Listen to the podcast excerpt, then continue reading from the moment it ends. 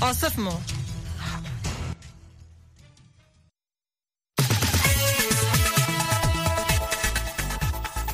دا واشنگتن دی تاسو د امریکا غږ آشنا رادیو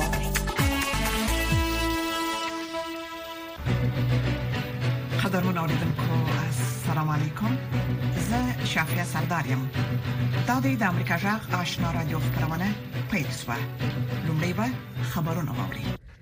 السلام علیکم درنو اوریدونکو زه نظرانه یوسف زیم تاسو خبرونه اوري د طالبانو د حکومت د بهرنیو چارو وزارت د ملګرو ملتونو د امنیت شورا غونډې ته په خبرګون کې ویلي چې افغانستان هغه نړیوالو معیارونو او مکلفیتونو ته ژمن دی چې د اسلامي شریعت او فرهنګي معیارونو سره په ټکر کې نه وي او د افغانستان ملي ګټو ته زیان ونه رسوي د طالبانو د بهرنیو چارو وزارت په اعلامیه کې ویلي موږ له ټولو هوادونو غواړو چې د نه مداخله نه بدلیدونکو اصل تجمن پاتې شي او زموږ په کورنیو چارو کې د لاسوهنې ټولې هڅې په شمول زموږ د حکومتدارۍ او قوانینو جوړښت او سرنګواله بند کړي د ملګرو ملتونو د امنیت شورا چهارشنبه په ورځ د افغانستان د وضعیت د ارزونې په موخه غونډه وکړه او یو ځل بیا د ټول شمول حکومت په جوړولو افغان مېرمنو او جنو ته د کار او زده کړو په حق د محدودیتونو په لری کولو ټینګار وکړ او د طالبانو نه غوښتل چې لګول شوی محدودیتونه د لغوه کړي او د ملګرو ملتونو د یو غړي هواد په توګه خپل خپل مکلفیتونو ته ژمن پاتې شي د معترضو ښځو یوې ډلې د طالبانو حکومت سره د ملګرو ملتونو تعامل تر پوښتنې راوستي او ټینګار یې کړی چې د افغان میرمنو بشري حقوقونه دي د دغې ټولنې د سیاسي معلوماتو قرباني نشي د معترضو ښځو یوې ډلې د پنځشنبه په ورځ په یو سرخلاص لیک کې چې د افغانستان د وضعیت د ارزولو لپاره د ملګرو ملتونو د امنیت شورا د تیر ورځې د غونډې وروسته یې خبر کړی د افغان میرمنو اوسنی وضعیت د یزدي خزو په وړاندې د داعش د ډلې د چلن سره یو شان بللې ده د معترضو خلکو د کابل انتقادي خونځي په نوم د افغان میرمنو د ګډلې په دغه سر خلاص لیک کې ویلي د افغانستان د خلکو لوګه د سیستماتیکو جنایتونو د دوام لپاره بهانه مکوي کچېری هدف ته اړتیا او د خلکو بشري اړتیاوي په ونه کې 30 میلیون ډالر طالبانو پرته د خلکو په درسخان باندې یو کوچنی اغیز هم نه لري چې د خپل طالبان له خوا د غنښتو مرستو د چپاول بلګه ده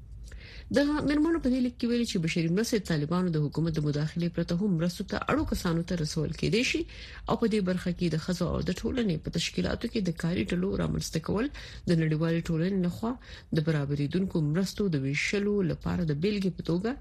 یاد کړی دی د متحده ایالاتو ولسمشر جو بایډن د هند صدر اعظم نریندرا مودي سره د یو لړ دفاعي او سوداګریزو تړونونو په لاسلیک کولو سره د متحده ایالاتو او هند ترمنځ د لا پیاوړو اړیکو پیل اعلان کړي د خاغلی بایډن د ادارې لوړپوړو مقاماتو ویلي چې د قانون له سند نه نیولې د ټکنالوژي سکتور او فضایي دفاعي او سوداګریزو همکاریو په برخو کې به پراخ تړونونه اعلان شي چې د دوه ملکونو په اړیکو کې به یو نوې پړاو پرانیزي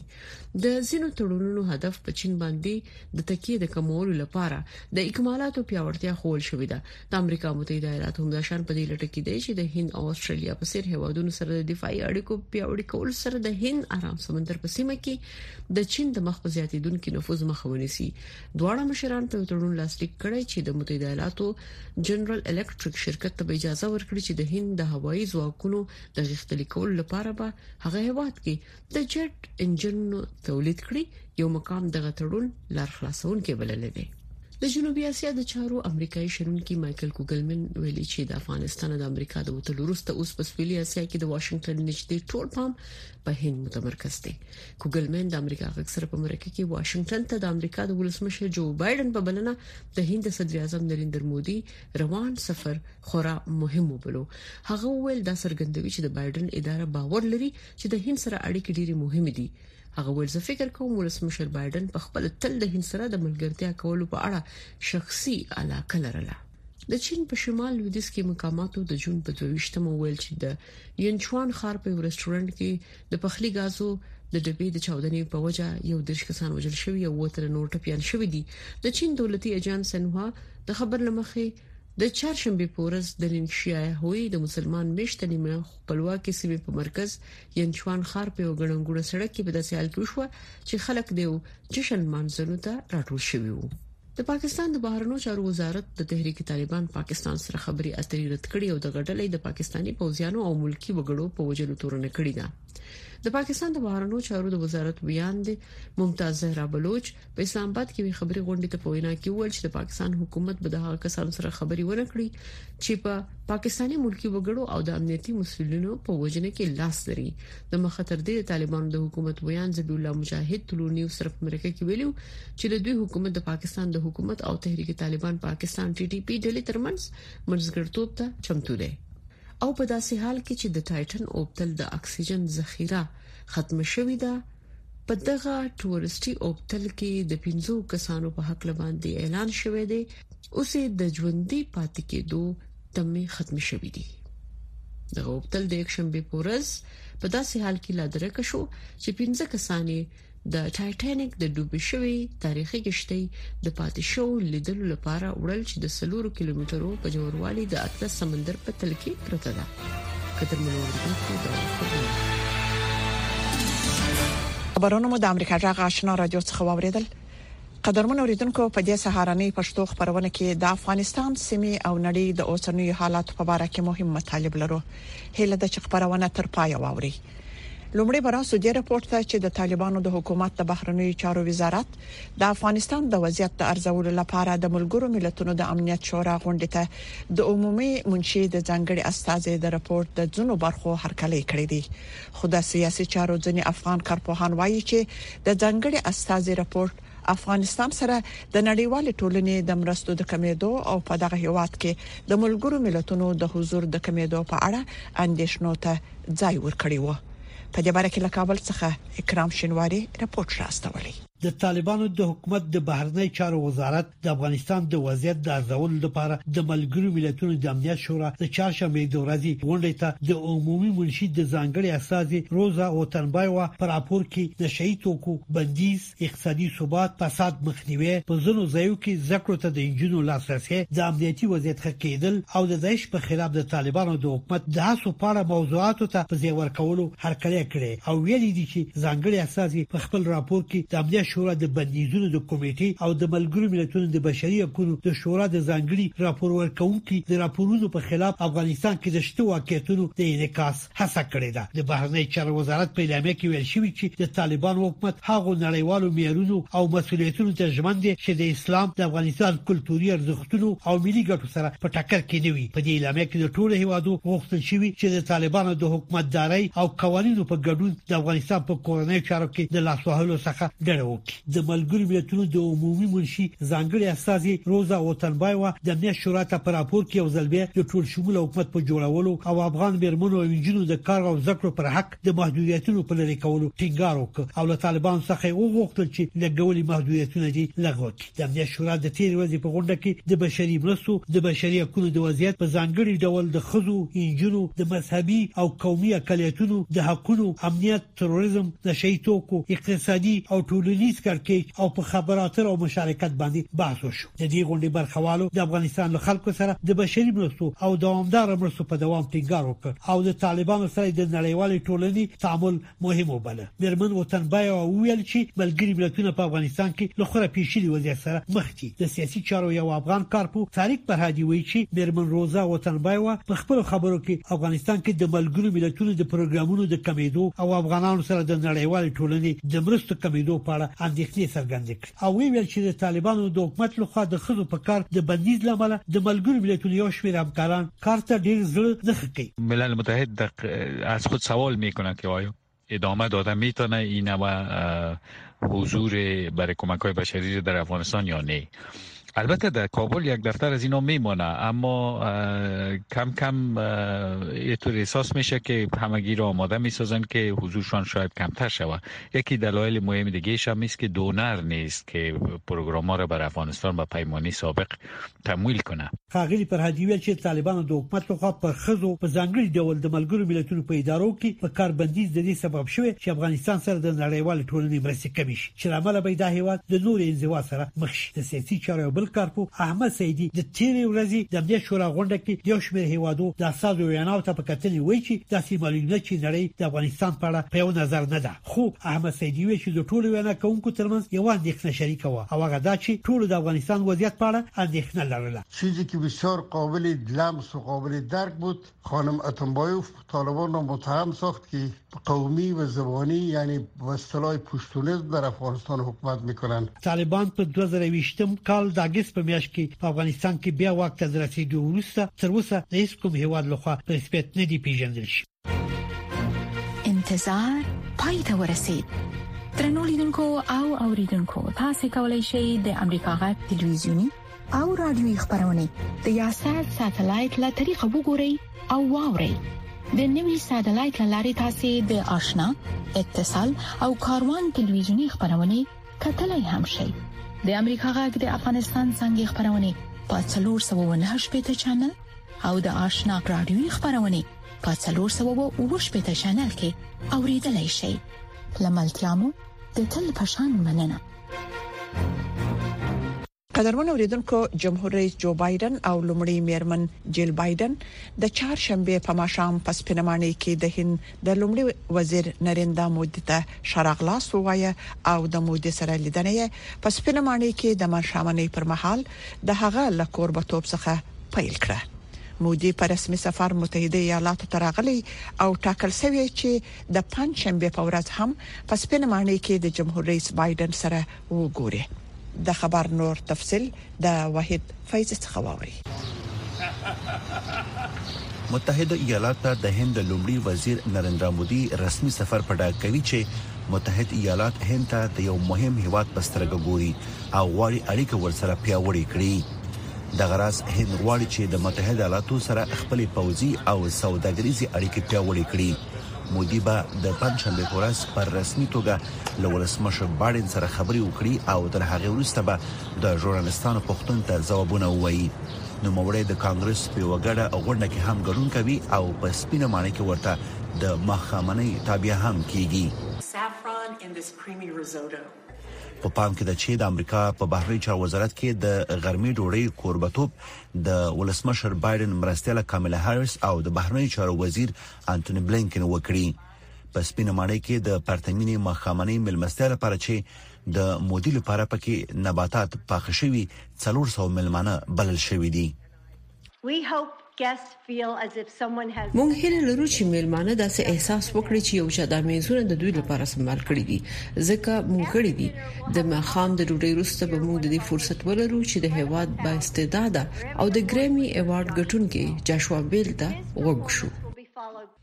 د ملتونو ترمنځ اړیکې د هند او متحده ایالاتو ترمنځ د ډیپلوماسۍ یو لوی برخه ده په ځانګړي توګه د ساينس ټکنالوژي او لوړ زده کړو په برخو کې همدې ارزښت په پام نریندا مودي په ورجینیا کې د ساينس ملي بنسټ لزده کوونکو سره هم ولیدل په پام کې د چې متحده ایالات ته د هند د لومړي وزیر سفر د هند او امریکا ترمنځ زیات شمیر مشترکات روښانه کړي لکه د برتانوي واکمنۍ ژبنی میراث دیموکراتیک سیستم لوړې زده کړې او څېړنې خو د هغو 2.1 میلیون هندیانو لپاره چې په امریکا کې ژوند کوي د لیدنه په لازیاتو ژورو او شخصي اړیکو ټینګار کوي ملګرو نن هند او امریکا د استعدادونو یوې لړۍ ته اړتیا لري څو د ودی بهیر روان وساتي کله وی خو امریکا د لوړو زده کړو لومړی درجه موسسه او پرمختللي ټکنالوژي لري د بل خو هند په نړۍ کې د ځوان استعدادونو ستر فابریکه لري نو زه ډاډه یم چې د هند او امریکا ترمنځ ملګرتیا به د دوامداره او ټولشموله نړیوالي ودی انجن ثابت شي شنونکي هند د سوداګرۍ له اړخه مهم ګڼي په داسې حال کې چې متحده ایالات د چین پرته د ملګرو ساحلونو څخه د خپل اقتصادي اړتیاو پوره کولو هڅه کوي د خزانه د وزیر یلن په خبره هند به په ډیره لیوالتیا وغواړي چې د ارزې د نوي جوړیدونکو زنجیر برخه شي او د امریکا او هند د لوی اقتصادي همکاریو په لړ کې هندي امریکایي سوداګر او صنعتکاران د دې جوګه دی او غواړي چې په هند کې د دې فرصت ولري د کانګرس غړي روکانا امریکا غاټه ویل چې په دې سفر کې به ځینې سخت مسایل هم شامل وي یقینا موږ به د بشري حقوقو د ارزښت آزادو مطبوعاتو او لیبرال دیموکراسي ته د ملت د ژمنتیا په اړه خبرې وکړو خو د لیدنې بنسټیزه مسله دا ده چې څنګه کولای شو مشارکت لا پیوړی کړو ویل کیږي چې ولسمشر بایدن خغلی مودي ته د ځانګړي تشریفات د دوه دلایل لکبل ورکوي یوې د هند قوي کول دي چې د چین سره د مقابله جوګه شي او بل دا چې د ته وهڅول شي چې د روسي څخه وسلې ونه پیري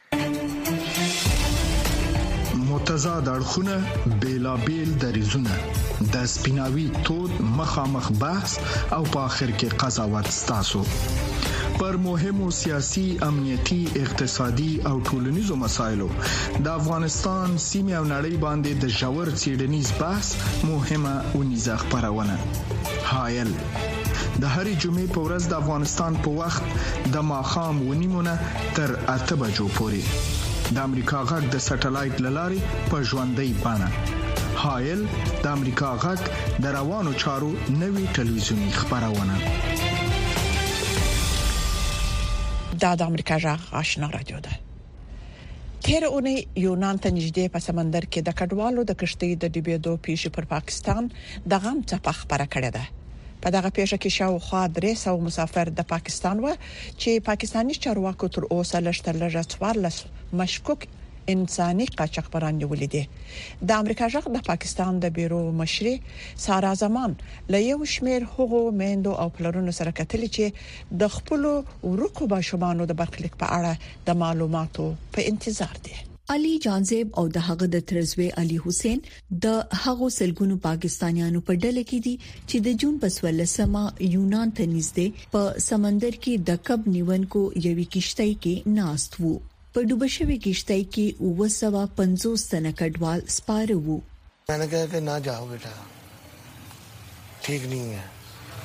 ما خپل زوی ته وویل مځه دا سم نه ده خو هغه ویل نه هر څوک زی نو ما هم اجازه ورکړه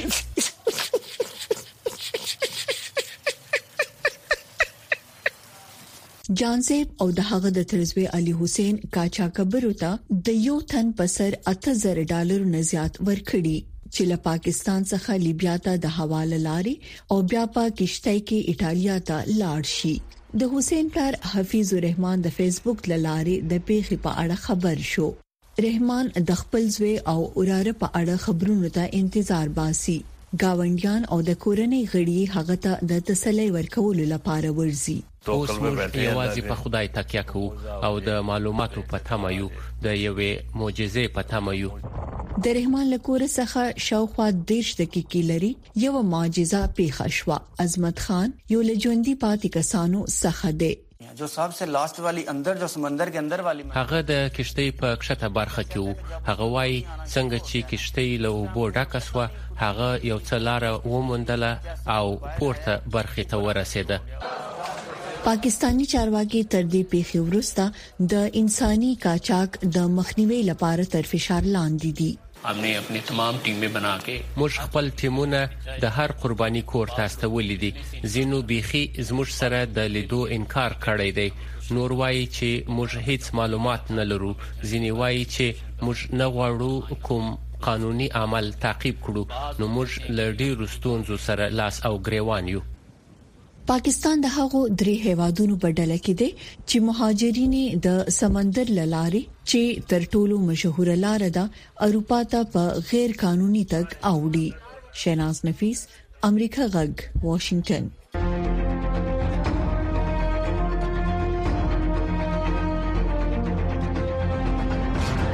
اتصال زموږ او ساسي پیوستون خبرونه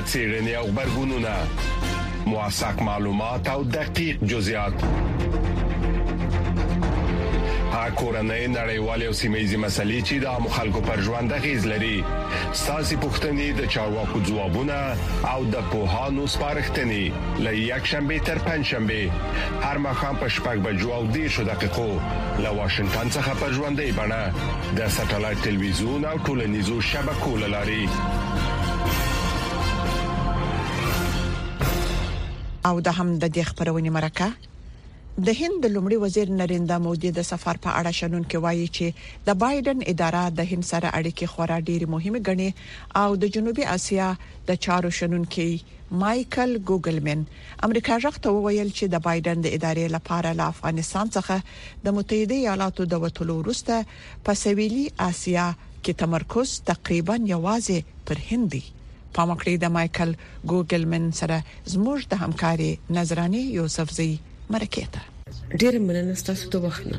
مودي یوازې د نړۍ دریم مشر دی چې د ولسمشر بایډن لخوا رابلل شوی. دا په نظر کې د نیولو سره دا راته ووایه چې د لومړي وزیر مودي سفر څومره مهم ګڼئ؟ حقیقت دا دی چې دا به یوازې دریم ځل وي چې یو هندی مشر واشنګټن ته دولتي سفر کوي نو په واشنګټن کې خبرې کول زما په اند دا په ګوته کوي چې دا څومره نادر دي او دا وړاندیز کوي چې د بایډن اداره باور لري له هند سره اړیکې ډېرې مهمې دي نو زه فکر کوم چې یوازې د حقیقت چې مودي امریکا ته دولتي سفر کوي دا د دې اړیکو د اهمیت او پیاوړتیا نښه ده زه فکر کوم ولسمشر بایدن په خپل تل د هند سره د ملګرتیا کولو په لړ کې شخصي علاقه درلوده چې د سناتور او بیا د مرسیال ولسمشر په توګه د هغه سابقې ته وګوري او همدانګه موږ یوازې په تیر یو کال کې د امنیتي ملګرتیا په برخه کې ډیر پرمختګ لیدلی دی ځکه چې د چین سره د متحده ایالاتو او هند دواړو اړیکې ترنګلې شوې دي په ځانګړي توګه لکه څنګه چې د چین په پارونکو فعالیتونو کې زیاتوالی راغلی دی د دې سفر کلیدي برخه دوه اړخیزه دفاعي همکاري ده. موږ ته دا ووایه چې دا به څنګه د دواړو هېوادونو اړیکې بدلې کړي؟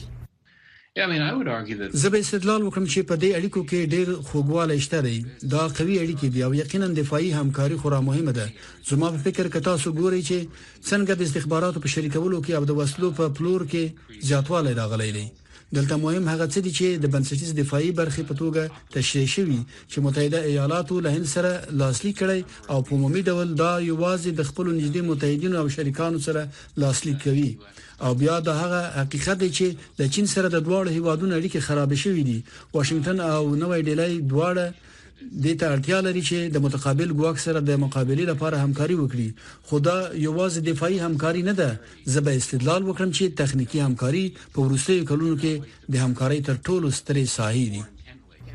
د طالبانو سره د امریکا د خبرو په مهال هند په تاریخي ډول د امریکا له مختلفه تګلارې لرله او اوس د یوکرين د جګړې په اړه چې هند پکې به طرفه پاتې شوی آیا امریکا د هند په دې لړ کې کوم انعطاف غواړي زه فکر نه کوم چې په اوکراین کې جګړه د امریکا او هند د اړیکو لپاره د تشنج ټکی دی، لکه څنګه چې د یرغل له پیل وروسته و. زما په اند د امریکا د حکومت ډېرو غړو په پیل کې دا هیله او تمه درلوده چې هند به د پوتین په وړاندې د روسیې د یرغل په وړاندې قوي دریځ غوره کړي، خو کله چې امریکا د هند او روسیې ترمنځ د ځانګړو اړیکو په ماهیت پوه شوه، بیا یې دغه تمه ختمه شوه. دوی په هند دومره فشار نه راوړي چې قوي دریځ غوره کړي او زه فکر کوم چې د دې پر ځای دا اوږده لوبه پیل کړې ده او زه فکر کوم چې دا به د بایډن مودي په غونډه کې د بحث موضوع وي چې امریکا په اصل کې هڅه کوي هند قانع کړي چې روسیه به د اوږدې مودې لپاره د هند لپاره د باور وړ امنیتي ملګری پاتې نشي ځکه چې روسیه په خورا ډیر جنګ ځپلې وي بل خو هندي چارواکو ویلي دي چې د هیوادونو د ځمکنۍ بشپړتیا او حاکمیت پر د ملګرو ملتونو اصولو ته باید درناوی وشي نو زه فکر نه کوم چې کله مودي او بایدن د اوکرين پر خبرې وکړي زه فکر نه کوم چې دا بنارامه خبرې وي دا به په سیمه کې په چین، پاکستان او افغانستان د هند نفوذ څنګه بدل کړي؟ آیا تاسو فکر کوئ چې د افغانستان نه د امریکایي ځواکونو د وتلو وروسته متحده ایالات نور افغانستان او پاکستان ته دومره اهمیت نه ورکوي؟ ښه هو یقینا زه فکر کوم چې په افغانستان او پاکستان تمرکز په لویه کچه کم شوی دی امریکا د افغانستان په اړه خورا روښانه پالیسي لري تاسو پوهیږئ چې د طالبانو پر جګپوړي مشرتابه ټول بندیزونه لګول شوي دي په دې اړه ډېرې لږې خبرې کېږي. امریکا په حقیقت کې په ښکاره له طالبانو سره اړیکې نه شي رسمي کولای او ښکېلتیا باید محدوده وي، نو په حقیقت کې دغه یوازې د بشري مرستو پورې محدودې دي. د پاکستان په اړه بیا څه لږ نرم دریځ موجود دی. نو زه فکر کوم چې د مودي دغه سفر په رښتیا هم دا په ګوته کوي چې څنګه د بایډن ادارې لپاره له افغانستانه د متحده ایالاتو د وتلو وروسته په سویلي اسیا کې تمرکز تقریبا یوازې په هند متمرکز دی او دا هم زه باید ووایم لکه څنګه چې په تیرو څو کلونو کې د امریکا د چین سره سیالي زیاته شوې امریکا جنوبي اسیا ته په پراخه توګه ګوري او د جنوبي اسیا له ټولو هیوادونو سره د اړیکو ټینګولو ته ډیره لیوالتیا لري خو تر ډیره هڅه کوي چې دغه هیوادونو په چین تکیه راکمه کړي تر څو له هند او امریکا سره پر اړیکو یو څه تمرکز وکړي. د بدلون پر مهال کله چې د نړۍ وضعیت څرګند نه وي او کله چې اوریدل له عیني واقعیتونو سره سمون نه خوري، موږ په حقیقت پسې ګرځو.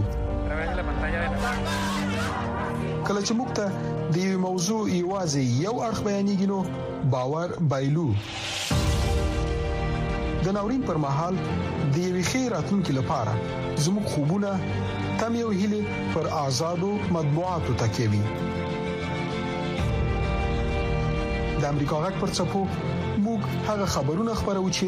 خلک یې د لیدلو لپاره غواخونه مني موږ نړۍ سره وسلو او د حقیقت په ویلو یو موټی کوو د امریکا غږ لاري موږ بشپړ انزور درکو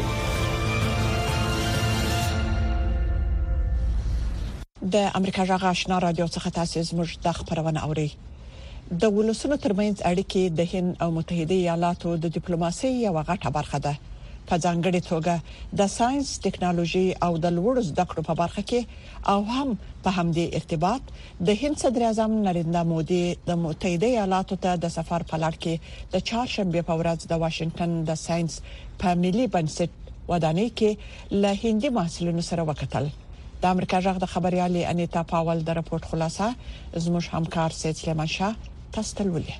د صدراعظم نریندرا مودي د دې سفر اصل هدف او مقصد دا دی چې د بریتانوي دور د ژبني میراث، یوه دیموکراتیکي سیستم او په لوړو زده کړو او پلټنو باندې د تاکید کولو په ګډون ډېر شیان چې د متحده ایالاتو او هند ترمنځ مشترک دي، جوت کړي.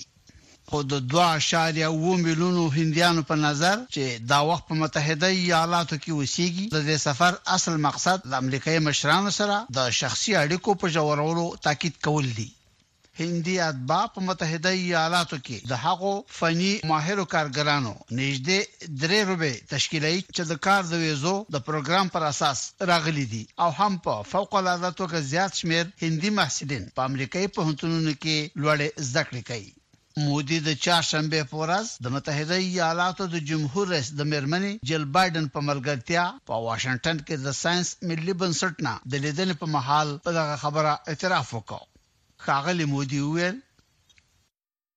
سټارټ اپ انډیا میشن شروع. ملګرو نن هند او امریکا دواړه د ودې د پیاوړتیا او برقرار ساتلو لپاره د استعداد یو پایپلاین ته اړتیا لري په داسې حال کې چې له یوې خوا امریکا د لوړې درجې تعلیمي مؤسساتو او پرمختللې ټکنالوژي لري له بل پلوه هند په نړۍ کې د ځوانانو د استعداد او تر ټولو غټه فابریکه لري لامدې امله ډاډیم چې هند او امریکا انډیوالي به بل شکه د ټول شمول او پایداري نړیوال ودی انجن وي څېړونکي وايي چې هند په دې اړه جدي دی. د واشنګټن د اتلانتیک شورا د جنوبي اسیا د مرکز ګرځنده غړی عرفان نورالدین په دې اړه وايي، په داسې حال کې چې متحد ایالات د چین پرته د ملګرو ساحلونو څخه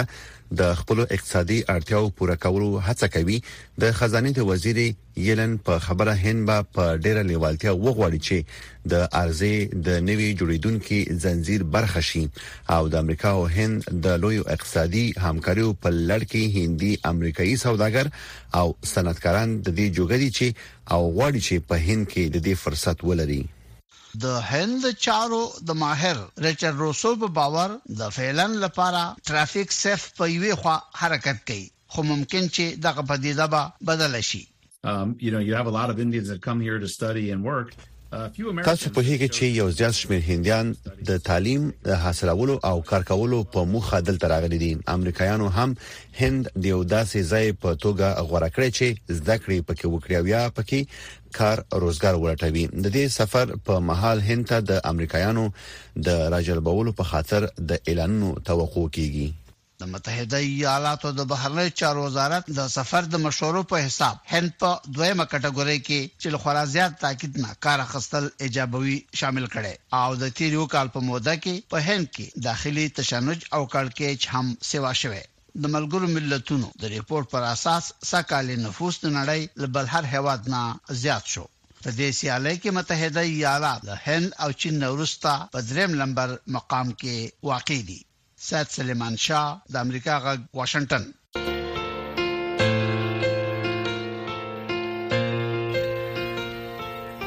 درنوریدونکو زموږ د خبرونه په همدې ځای پای ته ورسیده د امریکا جغ آشنا را دوه خبرونه دوام لري ستاسو ټول څه مننه چې زموږ خبرونه اوري